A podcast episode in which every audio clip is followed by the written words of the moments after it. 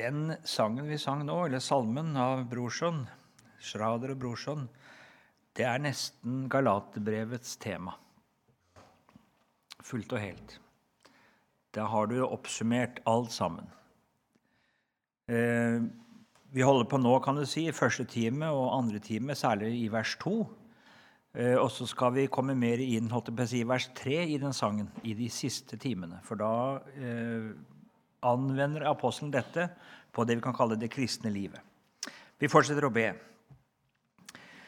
Ja, kjære Jesus, vi takker deg at alt det som er til kristelig vandel kan tjene, det er alene gitt oss i deg. Og så ber vi det, at vi har vårt liv i deg, vårt håp i deg, vår trøst i deg, vår styrke i deg. Vi ber om Din Hellige Ånd over ordet, også i denne timen. Amen. Vi begynner i kapittel 3 og skal holde oss i det kapittelet i denne timen. Og nå er vi kommet inn i selve det læremessige hovedsaken i Galaterbrevet. Vi er gjennom kan du si, en redegjørelse for apostelkallet, og, og um, at evangeliet er ikke Paulus sitt, men det er noe han har fått og gitt han av Gud. Og så eh, munna det ut av en konklusjon når det gjaldt dette med rettferdiggjørelse og tro. Og så fortsetter han da i, rett inn i situasjonen i galatermenigheten. Uforstandige galatere, hvem har forhekset dere? Dere som har fått Jesus Kristus malt for øynene som korsfestet. Bare dette vil jeg få vite av dere. Var det ved lovgjerninger dere fikk ånden, eller var det ved å høre troen forkynt? Er dere så uforstandige? Dere begynte i ånd vil dere nå fullende i kjød. Så meget har dere opplevd forgjeves, om det da virkelig er forgjeves. Når Gud altså gir dere ånden og gjør kraftige gjerninger blant dere, gjør han det ved lovgjerninger, eller ved at dere hører troen forkynt? De troende i Galatia de har kommet til tro, fått Den hellige ånd og opplevd en veldig forandring i livet sitt. Guds kraftige gjerninger i sin midte. Det hadde de opplevd ved å høre evangeliet om Jesus forkynt for seg. Det som loven aldri kunne virke. Et nytt liv i ånden. Å bli løst ifra denne verden, bli bundet til Jesus, få et helt nytt liv. Det hadde de fått del i gjennom forkynnelsen av evangeliet om Jesus. Judaistene de kommer og krever omskjærelse, sabbatsbud, mat, klær osv. Og, og så spør apostelen har det ført med seg en sånn forandring som evangeliet gjorde. Kan det forandre hjertene? Alt det, det, det dere nå har blitt så opptatt av. Og det er et veldig betimelig spørsmål. Åssen er det med forkynnelsen vår? Er det vi holder på med, først og fremst å flikke på det gamle mennesket? Og prøve å dra mennesker etter håret og gjøre det litt bedre? Få ordna på det og få slutt på det, og så hjelpe de til å får skikk på livet sitt? Eller forkynner vi slik at mennesket mister troen på seg selv og sitt eget, slik at de må til Jesus og tro på Han og det Han har gjort, og så bli født på ny og oppreist til et nytt liv?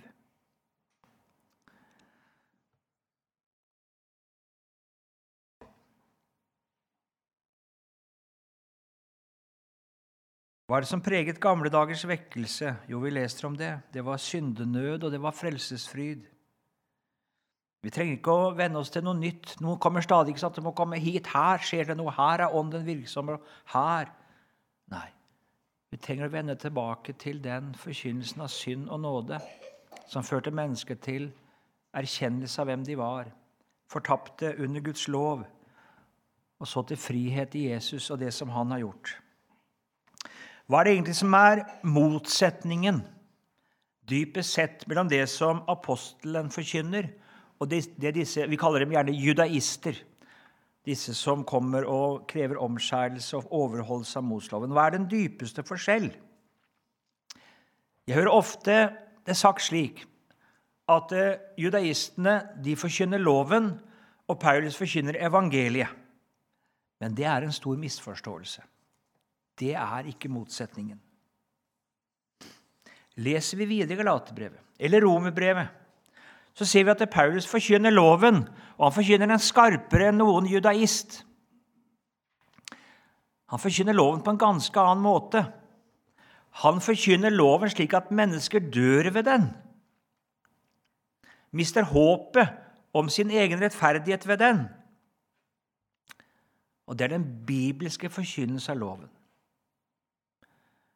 Det som preger judaistene og all loviskhet, det er at man forkynner en lov som vi kan oppfylle.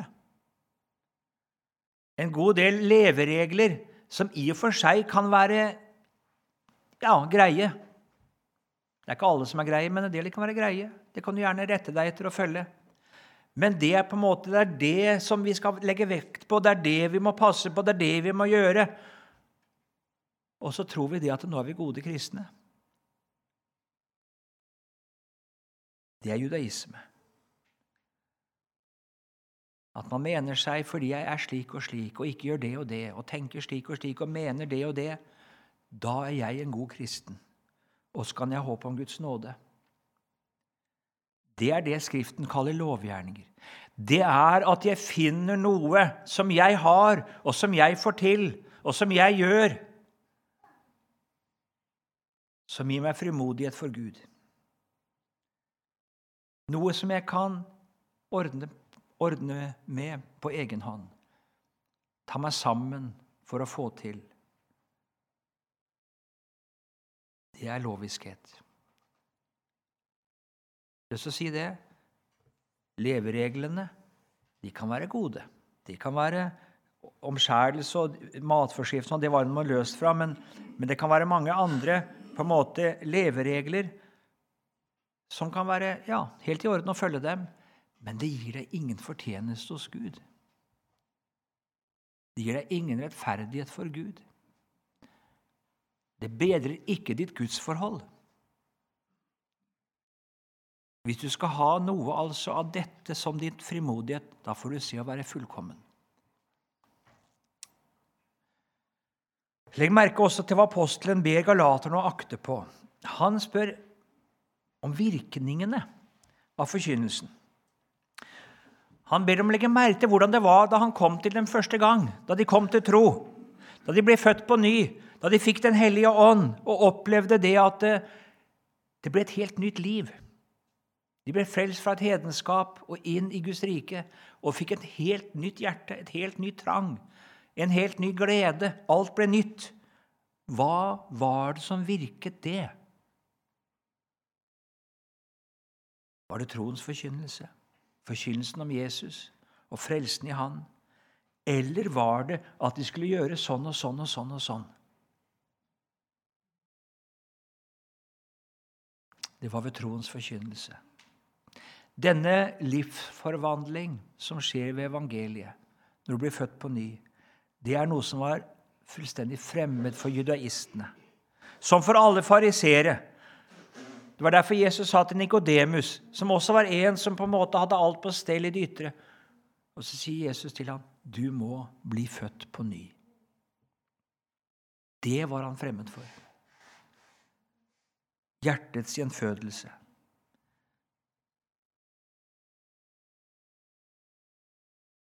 Det er en motsetning.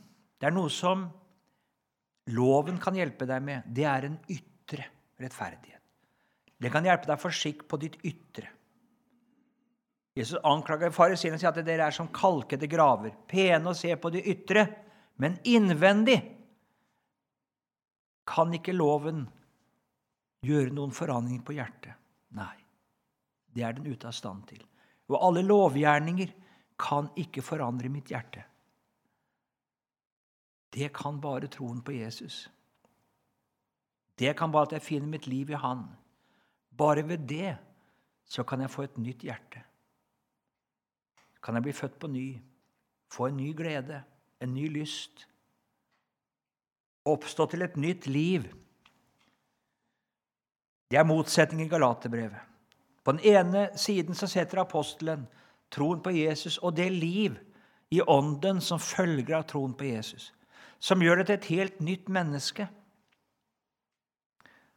Og så setter han lovgjerninger, en rekke ytre leveregler, som nok kan få deg til å se annerledes ut og skille deg fra de andre, men som er ute av stand til å skape en virkelig forandring i hjertet, som er fremmed for Guds ånd og for gjenfødelseslivet.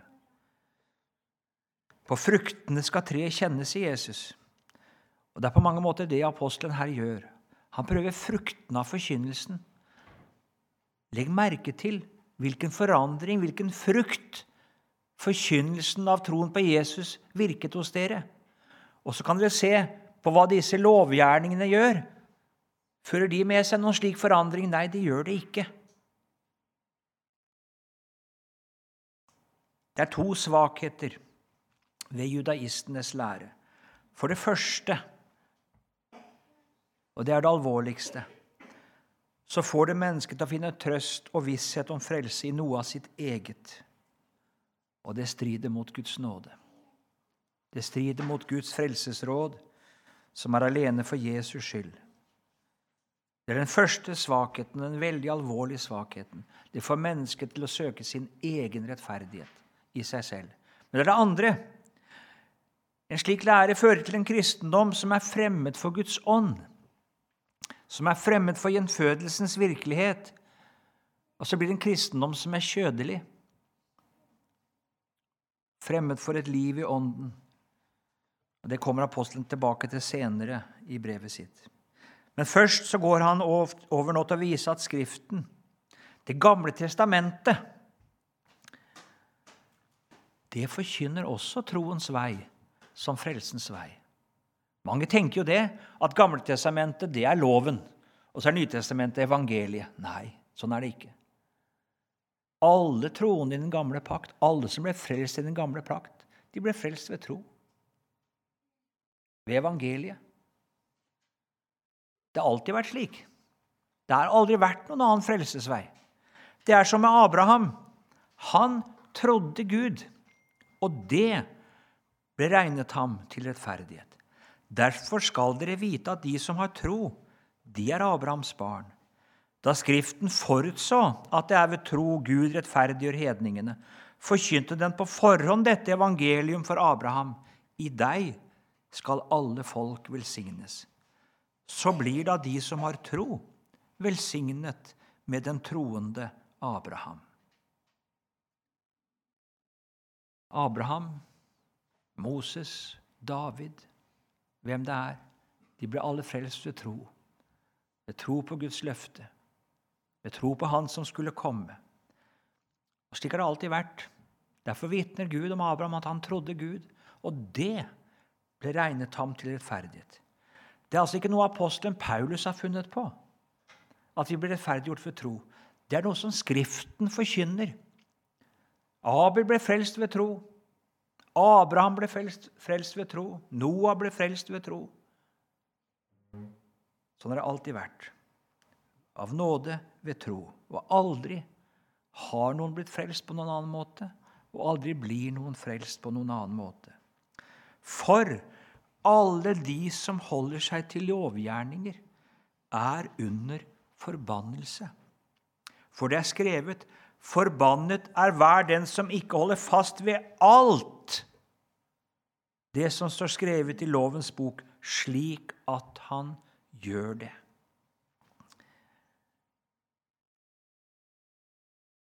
Skriften har aldri altså forkynt at lovgjerninger kan frelse. Det var altså ikke slik at den gamle pakts tid så ble han frelst ved å holde loven. Nei. Han ble frelst ved tro akkurat som nå. Skriften har sagt det, at hver den som ikke holder fast ved all som står skrevet i lovens bok, slik at han gjør det, han er forbannet. Her siterer, siterer apostelen 5. Mosebok 27 og vers 26.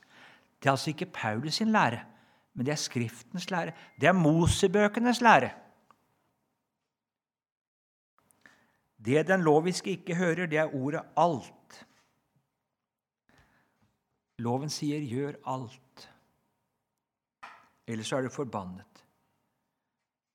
Den loviske han overhører, ord, overhører ordet 'alt', og så tenker han at Gud er fornøyd når jeg gjør så godt jeg kan. Når jeg søker å følge Hans bud og har den gode vilje og vil så gjerne, så er Gud så fornøyd og glad for at jeg vil følge Han.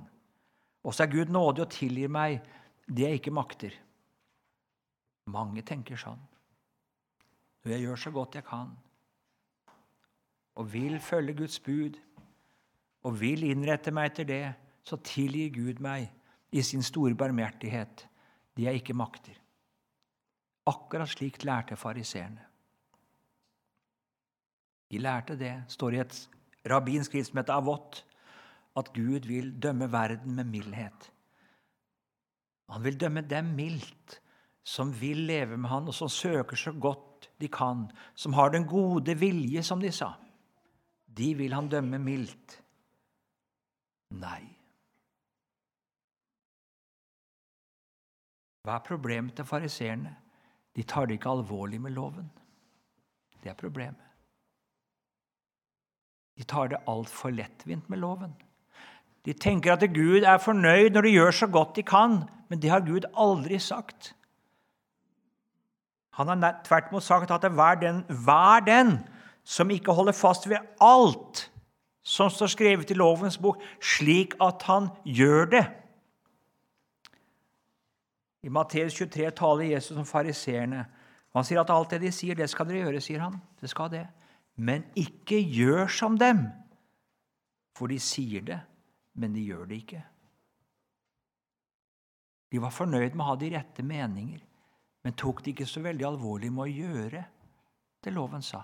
Vi tenker det at det, Fariseerne var veldig strenge, og sa Jesus han er så mild og god. Nei, det er å snu saken på hodet. Jesus var langt strengere enn fariseerne. Han tok det langt mer alvorlig med livet enn fariseerne. Og Derfor kunne fariseerne ha håp om at de sto i nåde hos Gud fordi de var bedre enn de andre. Sånn syntes de.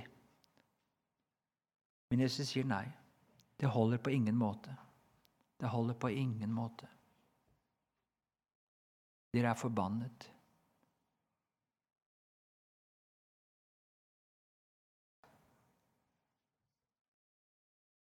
Og at ingen blir rettferdiggjort for Gud ved loven, det er klart. For den rettferdige av tro skal leve. Og loven har ikke noe med troen å gjøre, men der heter det 'den som gjør det, skal leve ved det'.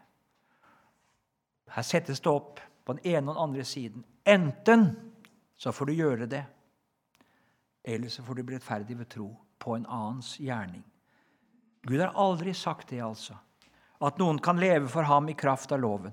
Han er tvert imot, allerede fra første Mosebok, så har han forkynt det. Den rettferdige av tro skal leve. Det står fire ganger i Bibelen. Fire ganger. Du kan lese det i Habakuk, profeten Habakuk. 2,4. Den rettferdige av tro skal leve. Det er altså et gammeltestamentlig ord. Og noen annen frelsesvei har Skriften aldri kjent. Aldri. Og vi må ikke blande loven inn i troen, slik at frelsen delvis skulle bero på tro og delvis på vår lovoppfyllelse. Loven har ikke noe med troen å gjøre. Det utelukker hverandre gjensidig. Enten så får du leve med Gud som en fattig tigger som får alt for intet for Jesus skyld, ved tro på Han. Eller så får du komme med dine slanter, og så får du se til å gjøre alt. Eller være forbannet. Rosenius sier det slik at den som vil ha Guds nåde for noe, han får intet. Men den som tar imot Guds nåde for intet, han får alt. Og Det er akkurat det apostelen sier her.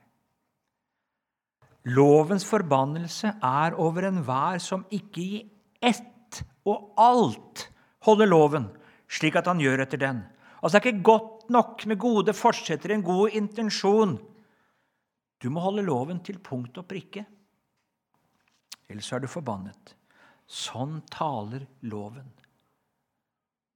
Og den store svakheten i vår forkynnelse det er at vi ikke taler så strengt som loven gjør.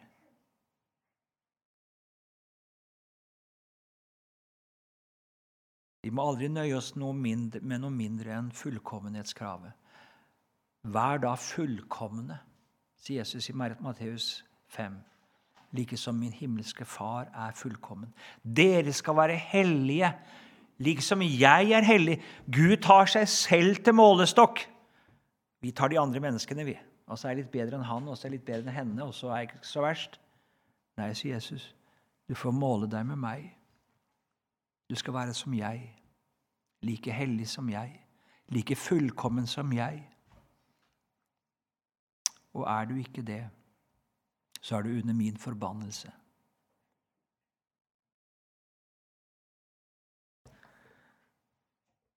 Det er en fin ting å høre og lese Guds ord. Det er en fin ting å være døpt, ha en god rett bekjennelse, å være bibeltro, å kjempe mot frafallet fra Guds bud, gi til misjonen, ivre for at andre mennesker skal bli frelst. Gode, fine ting. Men dersom det er mitt forsøk, alt dette her, på å være kristelig Hvis det er mitt gamle menneskes forsøk på å leve som en kristen, noe jeg har tatt meg sammen for, noe jeg på en måte skal få til, så er jeg med alt dette under Guds forbannelse. Det er noe ganske annet om det springer ut av troen på Jesus. Det er en glede, det er en ny trang. Det er noe som er født her av Gud. Og så vil jeg gjerne holde fast på Hans ord, og så vil jeg gjerne vitne om Han. Og så vil jeg gjerne at andre skal bli frelst. Det er noe som er blitt en hjertetrang. Jeg blir ikke rettferdig ved det heller. Og Allikevel har det noe helt annet verdi i Guds øyne.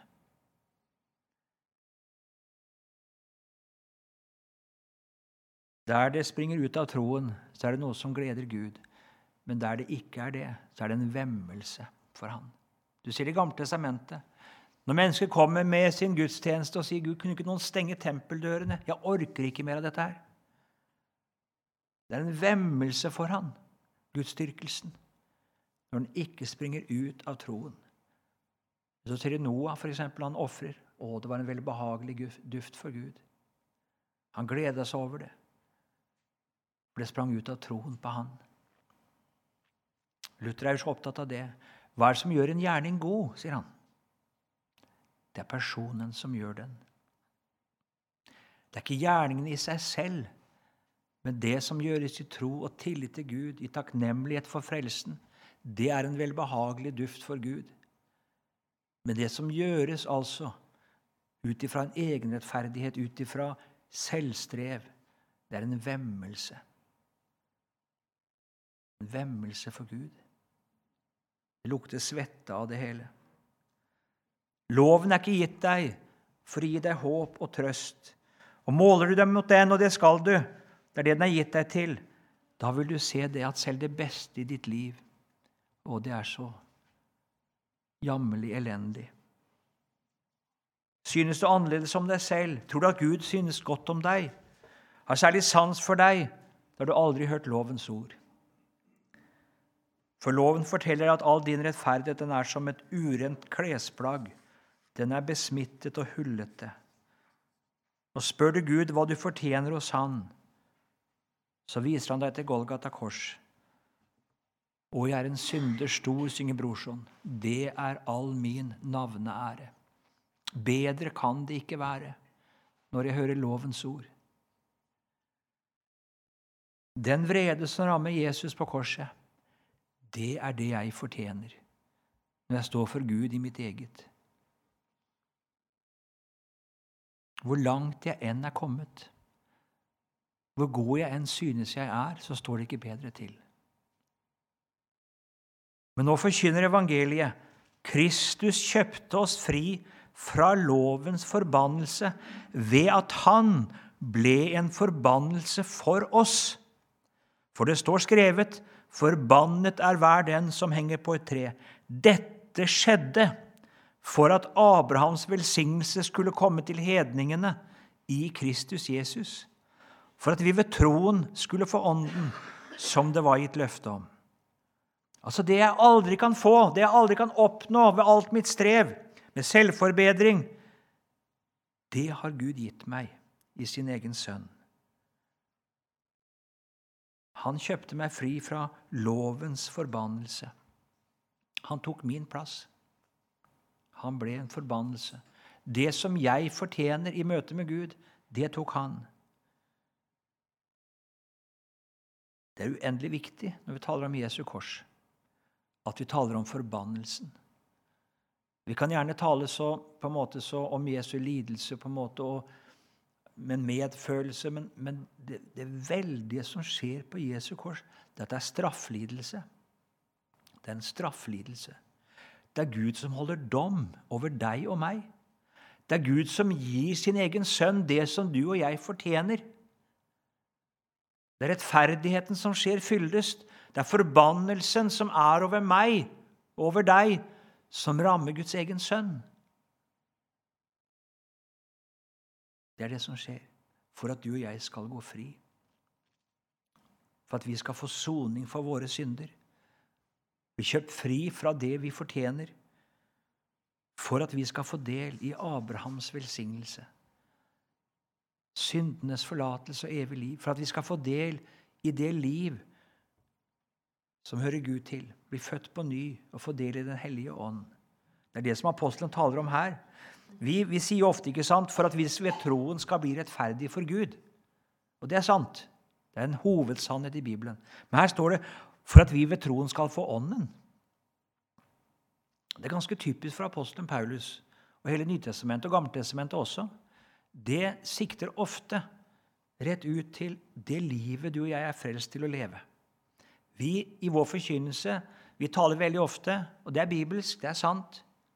Det er Rombrevet 4. For at vi ved troen skal bli rettferdige for Gud. For at vi skal bli Guds rettferdighet i Jesus Kristus. 2. Korinterbrev 5. ikke sant? Vi skal bli, uh, få del med Jesus og stå rettferdig for Gud. Det er helt sant. Og det er det store gledesemnet for en kristen. Men her i Galaterbrevet så er det noe annet Paulus sikter mot. Eh, lovrettferdigheten den er ikke bare ute av stand til å gjøre meg rettferdig for Gud, men den er også ute av stand til å gjøre meg til et kristent menneske her i verden. Den er ute av stand til å gi meg et kristelig liv. Og Det er nettopp her lovrettferdigheten gjerne vil liksom komme med noe. At eh, Alle som sier at du må komme, så må du oppleve ånden stå opp, og så må du oppleve det og det, så skal du bli en skikkelig kristen. Så skal du virkelig få oppleve Åndens kraft. Nei. Skal du få del i det, så er det for å tro på Jesus. Det er Bibelens svar. For at du ved troen på Han skulle få Ånden som det var løfte om. All karismatikk og alt dette, at du skal bli en virkelig, det som skal virkelig få fart på kristenlivet ditt, så kommer du, du må oppleve det, du må gjøre det, du må det. Nei, sier Bibelen. Alt dette får du ved troen på Jesus. Det er en ny form for lovrettferdighet. Gjør du det, og erfarer du det, så faste eller det og det, så skal du, da skal du virkelig få oppleve Nei, sier Bibelen. Dette får du ved å høre troen forkynt. Dette får du ved å tro på Jesus. For at du ved, ved troen skulle få Ånden som det var gitt løfte om. Den selvlagede kristendom den kommer helt klart først og fremst til kort når det gjelder å gjøre oss rettferdige for Gud. Men det kan du ikke se. Det unndrar seg på en måte vår, vårt syn. Og Derfor lever også så mange i selvbedrag. For De tenker at de er en god kristen. Og de ser ikke det at de med all sin kristendom så er under Guds dom. Det ser de ikke. De roses kanskje andre, og du er en god kristen, og du er For man skikker seg litt annerledes enn de andre. Det som gjelder himmelen, for Guds domstol, det kan de ikke se. Men og Det er der apostelen sikter her. Det gjør ofte Skriften. Den sikter til virkningene her på jorda. Og så vender apostelen vår blikk på det. Den som gjennom troen på Jesus er rettferdig for Gud og et Guds barn, han føder Gud på ny. Han gir han et pant, et seil, et merke på at han er hans, ved å gi han sin hellige ånd. Han gir han sin hellige ånd som innseil, som pant, som vitnesbyrd. Han er min. Og han gir han et liv som hører himmelen til, som han skal leve her på jorden. Og Det er det apostelen taler om her. Det er et kjennetegn som ikke ligger i det ytre, men som ligger i et indre liv i hjertet, og som utfolder seg i denne verden. Og Dette nye åndens liv er som sagt pant og seilet på det liv og den rettferdighet vi har i himmelen, og som vi ikke kan se. Og det, Hvis du først legger merke til det Dette taler apostelen Peter om. Dette taler Johannes om. Dette taler Jakob om. Vi taler altfor lite om det. På dette, sier eh, apostelen Johannes, på dette kjenner vi at han blir i oss av den ånd som han gav oss. Og så er det som spørsmålet ligger der hele veien. Har du del i dette? Har du erfart dette? Eller er din kristendom et strev? Det er din selvforbedring? Eller er det et liv som er født av Guds ånd ved troen på Jesus? Det er det underliggende spørsmålet i hele Galaterbrevet. Guds pakt med Abraham står ved lag. At all velsignelse, all Guds nåde, i kraft av løftet skal bli oss til del ved troen på Jesus. Brødre, jeg taler på menneskelig vis. Selv en menneskelig pakt vil ingen sette ut av kraft eller legge noe til etter at den er stadfestet. Men løftene ble gitt til Abraham og hans ett. Han sier ikke 'og til dine ettlinger', som om det gjaldt mange, men som når det gjelder én og din ett. Og dette er Kristus. Jeg mener da dette, i en pakt som Gud tidligere har stadfestet, blir ikke gjort ugyldig av loven, som ble gitt 430 år senere, slik at den skulle sette løftet ut av kraft. For dersom en får arven ved lov, da får den den ikke lenger ved løftet. Men Gud ga den i sin nåde til Abraham ved løftet. Ja, vi har ikke tid til å stanse så mye om dette, men løftet til Abraham er knytta til Kristus. Din ett er Kristus. Og vi får del altså i hele Guds velsignelse gjennom og delaktighet gjennom samfunn med Jesus. Ikke på noen annen måte. Det var pakten med Abraham. Det er en pakt som handler om Kristus og det som han skulle gjøre til vår frelse. Og Det får vi ved tro på løftet. Det får vi ikke ved gjerninger. Loven ble gitt 430 år etter Abraham, på Sinai. Men den loven satte ikke løftet ut av kraft. Det er poenget. Du kan ikke komme den etterpå og så oppheve løftet, som gir deg alt av nåde ved tro? Nei. Vi går videre til det. Hva skulle da loven tjene til? Altså, Hvorfor fikk vi da Sinai-loven? Hvorfor fikk vi alle budene?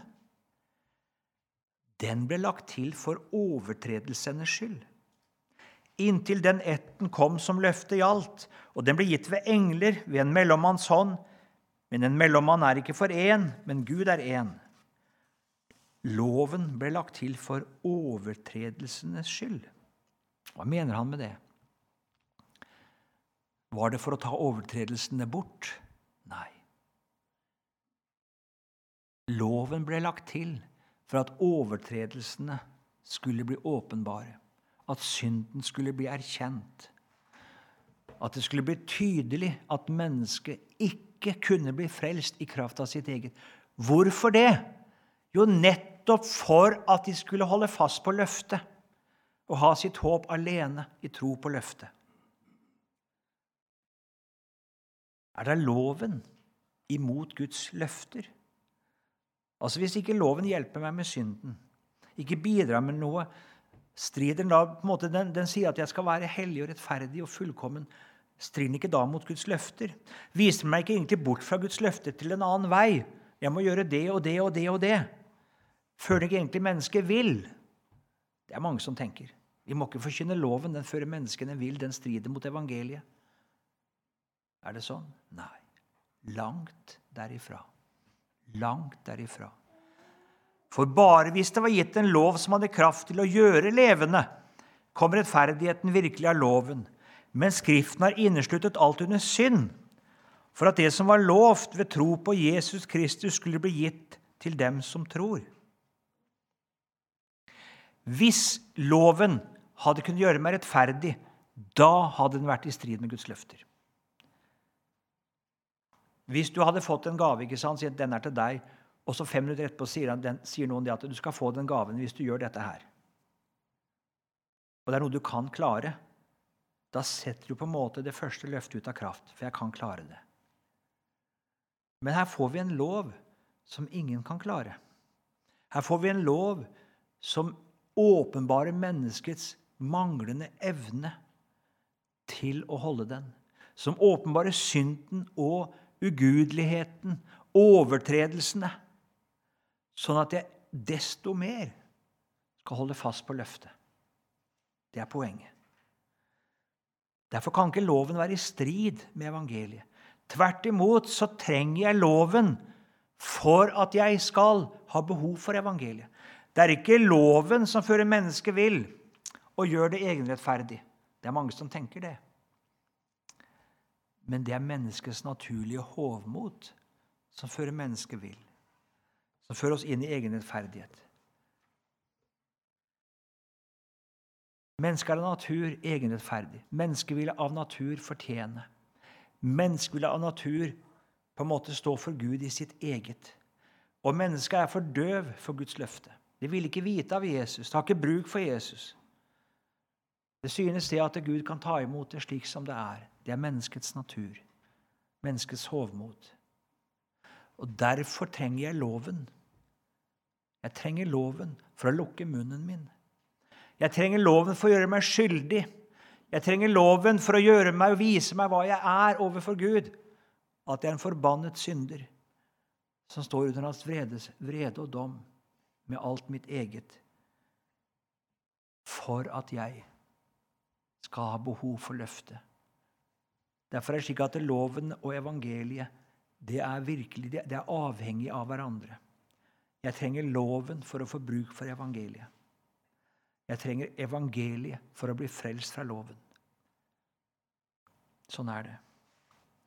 Loven legger alt hos mennesket inn under synd. Alt hos mennesket. Dømmer og fordømmer det som synd. Og det gir på ingen måte mennesket grunn til å håpe på nåde og velsignelse i kraft av sine lovgjerninger. Tvert imot. Derfor er loven en pedagog, sier Bibelen. En tuktemester til Kristus. For at det som var lovt altså Vi kommer til det nå, men før troen kom, ble vi holdt i varetekt under loven. Innestengt inntil den tro som skulle komme, ble åpenbart. Slik er loven blitt vår toktemester til Kristus for at vi skulle bli rettferdiggjort av tro. Altså, Gud holder et menneske som ikke har kommet til tro på Jesus. Han holder det innestengt under loven. Nå tenkes det både litt historisk her, at på en måte jødene som folk var bundet til loven, men vi går forbi det nå. Men sånn er det også i den enkeltes liv. Så lenge ikke du har kommet til tro på Jesus, så er du under loven. Da tenker du sånn at hvis jeg blir sånn og bare kunne få til det og bare kunne bli annerledes så Ja, der holder Gud deg. Han holder deg der inntil det går opp for deg at det er umulig. Så lenge du har noe håp om at det skal nok bli annerledes Det skal nok bli bedre hvis jeg bare tar meg mer sammen, hvis jeg bare får litt mer kraft, hvis jeg bare ja, så holdes du understengt, innestengt, inntil troen kommer på Jesus. Da løses du. Da løses du. Sånn er loven en tuktemester. Den skal drive meg, tukte meg og drive meg inntil jeg ikke har noe annet sted å løpe enn til Jesus og finne min hvile, min rettferdighet og min frelse hos Han. Har du noe håp til deg selv, da har ikke loven fått sagt deg sitt siste ord. Det den gjør, det er å åpenbare det umulige i å bli rettferdig og velbehagelig for Gud i kraft av noe hos meg, så driver den meg til Jesus.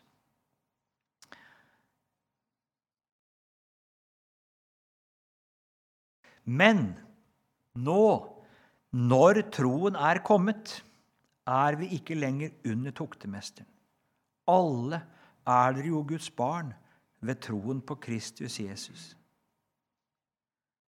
Fra det øyeblikket et menneske kommer til tro på Jesus, så er det fri fra loven.